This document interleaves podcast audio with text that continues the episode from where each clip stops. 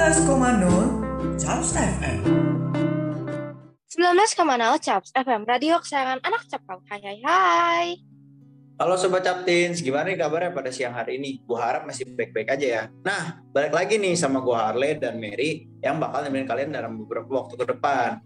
Nah, kali ini tema kita masih sama nih, membahas agama dari uh, membahas berbagai agama yang ada di SMA Negeri 10 Jakarta. Nah, kalau minggu kemarin kan kita udah ngebahas agama Katolik nih, Mer ya, mengenai apa namanya sejarahnya, strukturnya dan lain-lain juga. Nah, terus minggu ini nih kita mau bahas satu agama juga yang nggak kalah serunya nih dan narasumbernya itu uh, bukan ketua keagamaan tapi wakil ketua keagamaan nih berbeda banget kan dari yang minggu lalu. Oke, kalau gitu kita langsung panggil aja nih orangnya untuk memperkenalkan diri. Silakan. Uh, halo, kenalin nama gue Tio Michael Lantos dari kelas 10 IPS 2 sebagai wakil ketua Ruani Buddha. Oke, halo Tio, apa kabarnya nih? Nah, kabarnya sih baik, baik. Baik ya, oke, bagus, bagus. Harus baik dong kabarnya. Nah, uh, sebelum kita mulai nih ke pertanyaan-pertanyaan inti ya daripada podcast kita pada hari ini. Nah, gue mau nanya dulu nih ke Tio basa-basi aja sih sedikit. Kan sekolah kita udah ngejalanin PTM nih, pembelajaran tatap muka. Nah, dari lu gimana nih? Tanggapan lu mengenai itu? Apakah baik, biasa aja apa gimana? Ya seneng lah udah PTM lagi. Saya udah kembali ke sekolah lagi dan seneng lah seneng hmm, ada per, ada perbedaan gak sih antara PTM sama PJJ atau lu lebih suka yang mana gitu? PTM atau PJJ kah ya ya lebih lebih suka PTM ya. Pokoknya kalau PTM kan bisa ketemu teman langsung ketemu gitu. Habis itu juga kan kok guru jelasin pelajarannya jadi lebih ngerti lah daripada PJJ oke oke Terus uh, gue juga mau nanya nih, kesibukan lu akhir-akhir ini selain belajar dan ikut organisasi agama Buddha ngapain lagi sih? Kira-kira apa cuman belajar atau gimana? Ya gue sih gue masih belajar lah, masih belajar. Oh, masih belajar. Yang paling di rumah bantu orang tua gitu lah. Wih, ya banget. Oke, keren banget nih ya dari Tio. Oke Demer, uh, gue udah cukup banget nih bahasa basinya. Bisa aja kita langsung masuk ke pertanyaan pertama.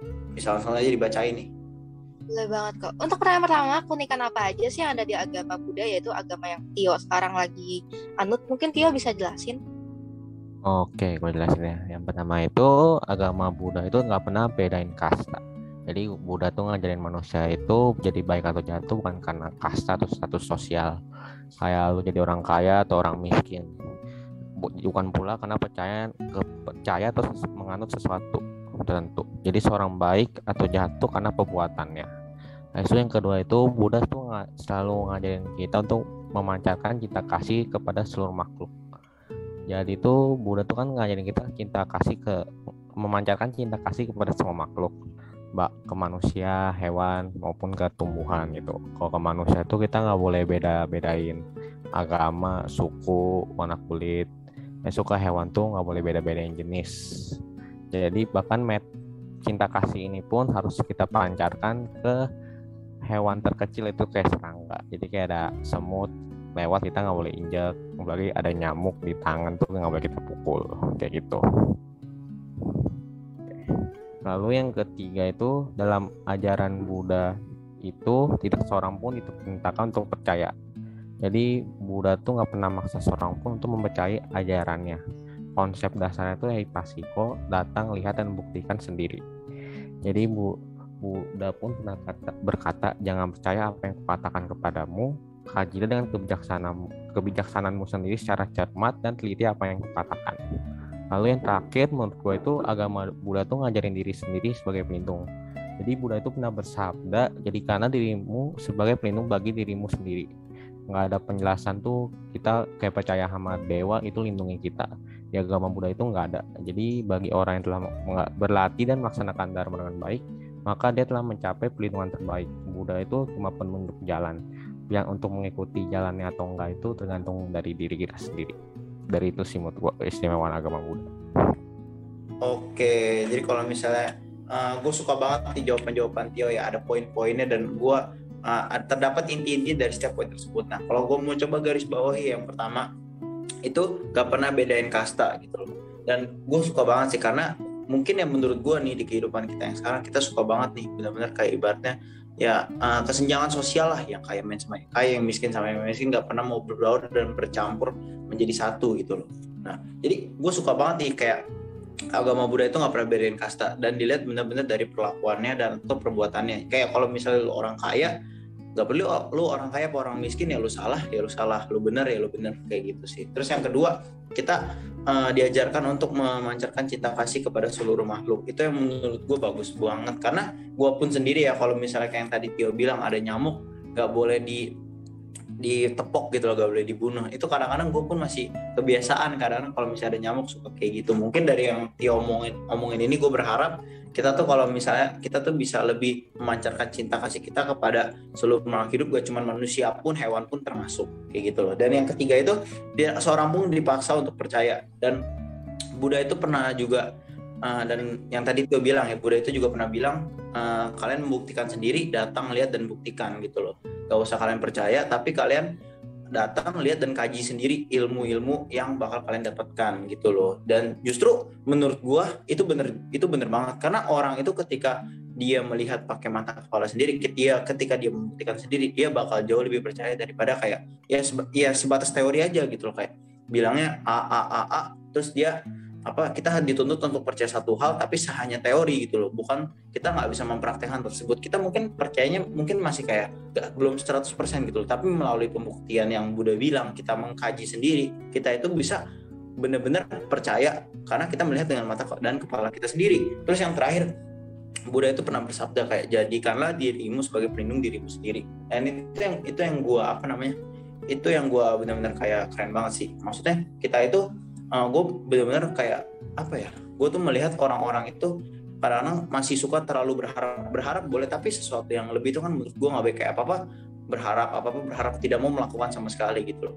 Kita tuh jadi menurut gue kita tuh harus benar-benar mengkaji dan berbuat baik dan melaksanakan agama ajaran agama Buddha itu dengan sangat amat baik. Karena ketika kita sudah melakukan itu kita sudah menjadi pelindung bagi diri kita sendiri.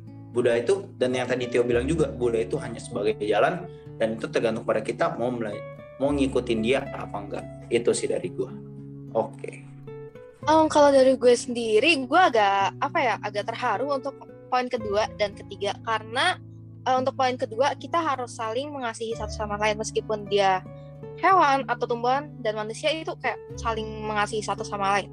Lalu untuk poin ketiga, uh, Buddha ingin kita bebas untuk kayak kamu mau memilih apa kayak apa yang kamu mau pilih terserah kamu kayak terserah kamu kamu pengen ngapain dan lain sebagainya. Dan gue agak tertarik untuk membahas mengenai cinta kasih. Nah kalau menurut Tio sendiri cinta kasih bagi Tio itu apa sih? Dan bisa nggak sih kasih contohnya ke kita? Cinta kasih menurut gue tuh kayak kita selalu berbuat baik tuh kepada sama manusia maupun hewan. Eh, ke hewan tumbuhan gitu. Kayak misalnya ada orang kesusahan ya kita bantu. Oh kita bantu sebisanya lah. Tuh oh gitu sih menurut gue oke jadi ibaratnya benar-benar kita tuh harus bisa berbuat baik tanpa memandang ya merefer lagi ke poin pertama ya tanpa memandang kasta gitu loh kayak ibaratnya ya udah gitu loh dia butuh pertolongan kita bisa bantu ya kita bantu jangan gara kita kita tahu nih kita bisa bantu tapi gara dia mungkin ibaratnya musuh kita kan kita nggak pernah boleh bedain orang-orang ya udah kita harus tetap bantu gitu loh. Siapa tahu dengan kita membantu kita bisa menjadi teman gitu loh kayak gitu sih dari gue oke Mer bisa mungkin dilanjut nih Mer pertanyaan selanjutnya gue udah bener-bener penasaran banget Boleh, ini masih seputar mengenai keunikan dari agama Buddha nih. Gue pengen nanya sih mengenai sistem karma menurut Tio sistem karma itu kayak apa sih? Kalau menurut gue tuh sistem karma tuh kayak kita ada buat jahat, nanti kita dapat ganjarannya gitu. Kalau kita buat baik juga dapat ganjarannya gitu. Itu sih menurut gue. Oh, jadi ibaratnya ketika berbuat jahat dapat ganjaran yang jahat juga, ya, dapat balasan yang jahat ya dan ketika berbuat baik kita ada bakal ada ganjaran juga. Oke. Okay. Dan itu gue uh, gue mau tanya juga ya Tio itu bener-bener kayak langsung pada saat itu juga kita dapat ganjarannya apa antar kayak ibaratnya di mungkin ya pada waktu-waktu berikutnya atau mungkin di eh, ya ini merefer juga poin yang berikutnya mau gue tanya mungkin atau di kehidupan selanjutnya gitu gimana Tio? Menurut gue ada yang kayak kayak kita habis lakuin langsung dapat ganjaran juga ada yang kayak buat kehidupan selanjutnya juga ada. Oh oke. Okay. jadi uh, kita tuh bisa langsung dapat karmanya itu seketika atau enggak? Mungkin uh, pada hari-hari berikutnya atau enggak di kehidupan selanjutnya ya? Oke deh. Kalau mungkin dari gue udah cukup ya mengenai sistem karma kayak gitu. Oke Tio.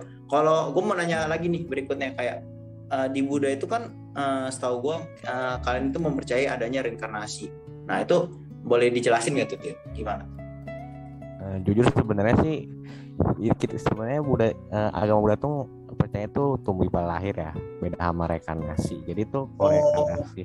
itu dia kayak kita mati langsung pindah ke tubuh baru kalau oh. tumbuh lahir tuh kita mati kita jadi kayak bayi gitu jadi ke jadi kayak dapat kehidupan selanjutnya gitu lebih okay. jadi agama Buddha tuh lebih percaya tumbuh lahir atau kelahiran kembali oh kelahiran kembali ya. Sorry. Oh jadi terdapat apa namanya dapat miskomunikasi ya? Jadi yang mungkin yang gue apa namanya yang gue ketahui ini salah. Oke. Okay. jadi gue perlu tahu juga itu. Jadi uh, lahir kembali itu habis kita habis kita mati jadi bakal kita bakal jadi ini kayak ibaratnya bakal apa ya? Bakal jadi manusia kembali kah? Atau bisa jadi hewan lagi atau gimana? Ya, tergantung dari karma kita sih oh, karma kita banyak kebaik karma baik kita banyak ya pasti jadi kayak manusia atau ke alam surga gitu. Dalam surga ya dia. Oke oke oke dari gue sih oh, bener-bener udah keren banget sih Mer. Dari lo ada tambahan gak Mer mungkin? Atau lo masih penasaran? Masih penasaran nih sih. Kan kata Tio uh, untuk kembali menjadi seseorang yang baru itu kan tergantung karma baik atau buruk dia kan. Nah itu yang nentuin itu berarti dari perbuatan kita yang dulu-dulu dong. Dari perbuatan diri kita sendiri pas kita sebelum mati ya sebelum meninggal sebelum meninggal. Ah oke oke oke. Udah udah udah paham. Oke okay, oke. Okay. terima kasih Tio. Um, ini langsung gue lanjut aja gimana kak? Oke boleh banget lanjut. Gue juga udah penasaran nah, banget. Nah kan Buddha ini agama yang berbeda dari yang lainnya ya.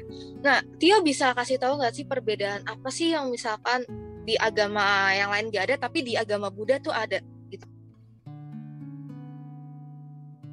komod gue ya kayak mis ini setahu gue juga ya yang kayak agama lain tuh kayak kita meninggal tuh misalnya masuk surga tuh kayak permanen tetap gitu sampai kiamat pun kita tetap di surga. Tapi kalau di agama Buddha tuh dia ada waktunya gitu tapi waktunya lama nggak sebentar.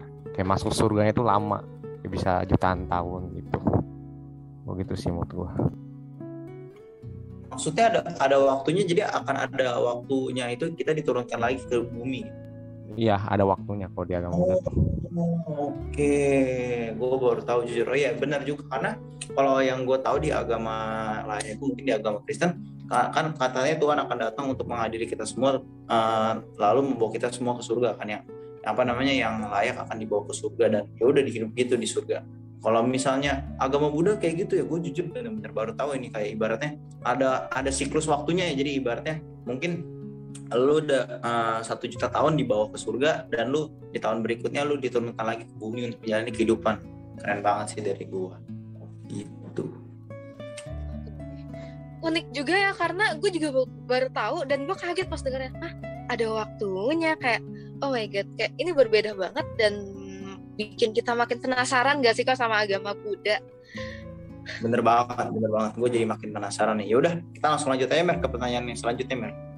Boleh banget. Untuk pertanyaan selanjutnya, di saat kejadian apa sih Tio tuh merasa bersyukur kepada sang dewa?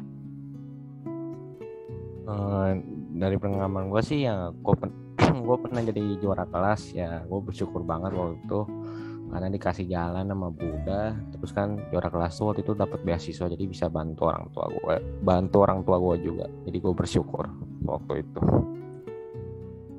Oke, jadi benar-benar ibaratnya lu bersyukur banget ya sama Buddha karena ibarat wah Tio berarti pinter banget ya udah udah juara kelas. Terus apalagi yang Tio bilang dia mulia banget lagi gara dia juara kelas dapat beasiswa itu bisa bantu orang tuanya itu pas kapan SD atau SMP nih Tio? Hmm, pas SD ada SMP juga ada. Oh SD SMP, wih gila dua kali lagi keren banget keren banget Tio. Gila sih. Oke deh Mer, langsung lanjut aja Mer ke pertanyaan berikutnya Mer. Oke, okay, untuk pertanyaan berikutnya, uh, ada nggak sih kejadian yang membuat iman Tio itu goyah? Mungkin Tio bisa kasih tahu ke Sobat Captins. Uh, kalau dari gue sih gue belum pernah, belum pernah ngerasain imam gue goyah, belum pernah, belum pernah ngerasain. Oh serius, bener-bener kayak nggak ada kejadian yang benar-benar bikin kayak aduh sebenarnya Buddha itu ada nggak sih kayak gitu nggak ada belum pernah sih belum Oh, pernah beneran keren banget, keren banget. Jujur, ini nih yang gue suka dari kayak ibaratnya orang orang kayak Tio nih bener-bener eh, apa ya ibaratnya bener-bener percaya gitu loh. Walaupun apa namanya dia menghadapi cobaan, dia menghadapi yang namanya kepahitan dalam hidup, susah kesusahan hidup dan lainnya. Ya kita tahu lah hidup ini susah. Kalau misalnya kita nggak nggak mau susah ya udah nggak usah hidup gitu loh ibaratnya mati aja gitu kan. Tapi kalau tapi ya ibaratnya justru dengan hidup ini susah yang membuat hidup ini berarti jadi jangan sekali-sekali ketika kita mengalami susah dalam hidup gitu loh gue berharap orang-orang yang nonton podcast ini jadi lebih tahu gitu loh kalau misalnya kita susah dalam hidup gitu loh kita jangan sekali-sekali uh, meragukan Tuhan kita. Karena Tuhan kita itu pasti ngasih cobaan yang sesuai dengan kekuatan kita gitu loh kekuatan dan iman kita. Kayak gitu sih dari gue oke. Jujur gue agak kaget ya sama jawaban Tio ya. Imannya nggak pernah goyah. Gue aja tuh kayak saya bertanya eh di mana sih sang pencipta gue? Kayak dia ada nggak sih di samping gue? Tapi eh, dengan gue tahu jawaban Tio yang dia jawab gue nggak pernah goyah imannya gue jadi mikir oh ya juga ya kayak Tuhan nggak akan pernah ninggalin kita Tuhan nggak akan pernah pergi ke mana-mana dan Tuhan akan selalu ada sama kita. Itu kayak bisa jadi pelajaran juga sih buat gue untuk tidak menanyakan ke mana Tuhan atau di mana pun Tuhan berada karena em, ya di mana pun kita berada ya pasti Tuhan akan mendampingi kita gitu. Ah, aduh keren Bener banget Mer, gua gue setuju banget juga sih sama tanggapan lo kali ini. Oke, ya udah kalau gitu kita langsung lanjutin nih Mer ke pertanyaan selanjutnya. Masih ada kan? masih ada dong oke untuk pertanyaan selanjutnya ada nggak sih yang membuat Tio itu suka sama agama Buddha dan apakah kesukaan itu yang membuat nyaman sama agama Buddha yang pasti ada ya karena dalam ajaran agama Buddha tuh Buddha itu nggak ada paksaan dalam hal kayak makan atau hal-hal lainnya jadi itu bikin gue nyukai karena Buddha itu patuh pada Pancasila Buddhisnya dan ajaran damai lain-lainnya yang memang berguna untuk kehidupan gue sehari-hari. Dengan lima Pancasila Buddhis itu dan hal-hal lainnya berbau dhamma itulah buat gue yakin pada agama Buddha. Karena gue rasa cocok nyaman sama berhubungan dengan kehidupan gue sehari-hari. Itu sih dari gue Oke, jadi Tio ini suka sama agama Buddha gara-gara yang tadi gue denger dia nggak ada paksaan. Habis itu juga ada ajaran Dhamma dan Pancasila Buddhisnya itu yang bener-bener menjadi pedoman ya bagi lu untuk ibaratnya menjalani hidup lu. Nah, kalau gue boleh tahu nih dikit aja, ibaratnya Pancasila Buddhis tuh apa sih? Gue jujur baru tahu nih kayak ah, ada Pancasila, udah kayak negara Indonesia nih ada Pancasilanya gitu kan. Kalau di agama Buddha tuh dia ada Pancasila Buddhis yang isinya itu yang pertama tuh nggak kita kita boleh membunuh makhluk hidup. Lalu yang kedua tuh kita tidak boleh mencuri barang sesuatu yang tidak yang bukan punya kita. Yang ketiga itu kita nggak boleh buat asusila. Keempat tuh kita nggak boleh berbohong. Kelima tuh kita nggak boleh mabuk-mabukan. Itu sih dari Pancasila Pan- isi Pancasila Buddhisnya. Pancasila Buddhis ya, oh keren banget nih udah. gue pertama kali dengernya Pancasila, wih udah kayak negara Indonesia gitu kan dan bener-bener ibaratnya eh, dari sila pertama dan sila kelima itu benar-benar mengenai kayak ibaratnya tentang ke- eh, ibaratnya tentang kebaikan, tentang hal-hal duniawi yang benar-benar itu hal-hal negatif yang kita harus hindari gitu loh. Kita tidak boleh melakukan itu. ini berhubungan dengan kehidupan sehari-harinya jadi itu yang buat dia nyaman setelah gue mendengar lima Pancasila Buddhis itu gue jadi tahu oh gue tahu kenapa Tio bisa bilang itu men- apa sesuai dengan kehidupan sehari-hari dia nah em, berarti di agama Buddha sendiri itu tidak terdapat larangan ya kecuali lima Pancasila Buddhis tadi ya Tio ya se- sebenarnya sih emang gak ada larangan ya tapi ya kayak misalnya lu lakuin ini tuh bakal dapet ini kayak dapet karmanya gitu. Nggak ada larangan tapi ada karma. Karma selalu ada. Oh, berarti ini balik lagi ke poin yang kita membahas keunikan bukan sih Tio yang tadi kita membahas tentang sistem karma, iya bukan sih? ya bener banget. Ah, berarti kita balik-balik ke sistem karma yang di mana kalau misalkan kamu melakukan hal buruk, kamu akan mendapatkan sesuatu yang buruk juga. Kalau misalkan kamu melakukan sesuatu yang baik, kamu akan mendapatkan yang baik lah juga. Gitu, aduh keren ya. Ya, keren banget ya. Jadi kayak ibaratnya pertanyaan-pertanyaan yang kita ajuin nih saling ibaratnya saling mendukung satu sama lain gitu, saling ada hubungannya, saling ada kaitannya masing-masing. Oke. Ya udah Mer, kita bisa langsung lanjut aja nih Mer ke pertanyaan berikutnya lagi. Masih ada nggak nih pertanyaannya? Masih ada tapi sayangnya ini pertanyaan terakhir kok. Pertanyaan terakhir, aduh, ya udah deh, nggak apa-apa. Sobat Captins, uh, ini ya gak, jangan rindu-rindu sama kita kita udah di, ada di penghujung podcast nih. Dan gua harap kalian masih tetap stay terus. Oke bisa langsung dilanjut aja men nonton.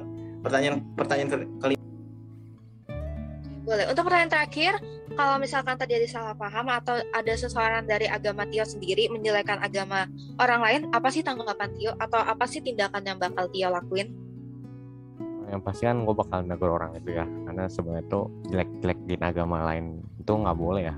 Karena menurut gue tuh semua agama itu sama nggak ada agama yang lebih baik maupun agama yang lebih buruk.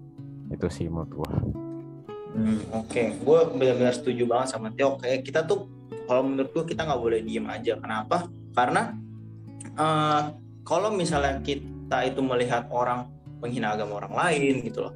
Karena ya itu menurut gue bakal jadi intoleransi nggak sih? Jadi bakal negara kita ini kan negara yang benar-benar mempunyai banyak banyak agama, banyak suku, ras dan budaya. Kalau misalnya ada dua agama yang saling menghina apa segala macam gimana caranya kita mau bersatu gitu jadi ya kita harus mulai dari siapa dari diri kita sendiri dulu kalau misalnya diri kita sendiri nggak peduli mengenai agama or, uh, agama yang dihina agama misalnya ada agama orang lain dihina kita diam aja gitu. Karena ah bukan agama gue ngapain? Gue gak usah peduli lah. Ya gimana kita mau berdampak gitu? Mau mau memberi dampak mau memberi mau menjadi dampak bagi orang lain gitu. Justru lingkungan terbaik yang menurut gua yang harus kita mulai itu gak, gak dari besar besar banget gak langsung kita harus bikin apa namanya kita bikin nyuluhan gitu untuk kita uh, bilang nggak boleh ngejelekin agama orang-orang lain. Nggak tapi benar-benar kita harus mulai dari diri kita sendiri dulu. Kayak gitu.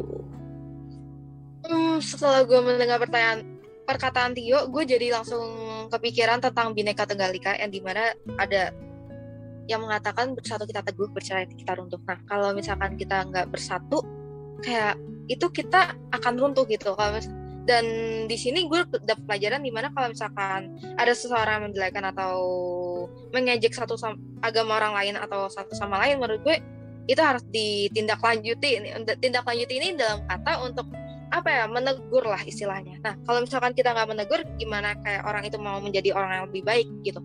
Dan menurut gue ini juga bisa jadi pelajaran kita sendiri. Kayak kalau misalkan kita melihat seseorang ada yang direndahkan atau agama lain direndahkan, kita harus bisa berani speak up. Kita nggak boleh diem aja. Karena kalau misalkan kita diem, negara kita gimana gitu.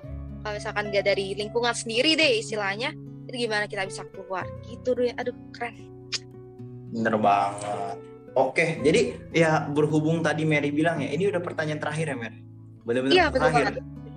Gak ada lagi. Waduh, sayang banget nih buat sobat Captins ya. Kayaknya kita uh, udah harus kita tutup dulu, kita akhiri dulu di sini.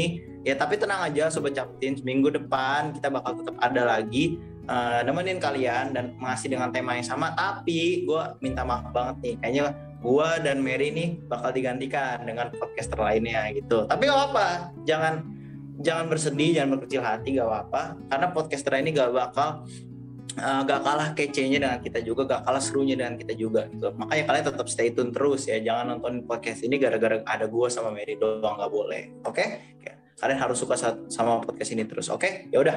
Kalau kayak gitu, uh, gua tutup, kita tutup, kita akhiri sampai di sini. Gue Harley. Dan gue Mary. Sampai berjumpa di podcast berikutnya. Bye bye. Bye bye.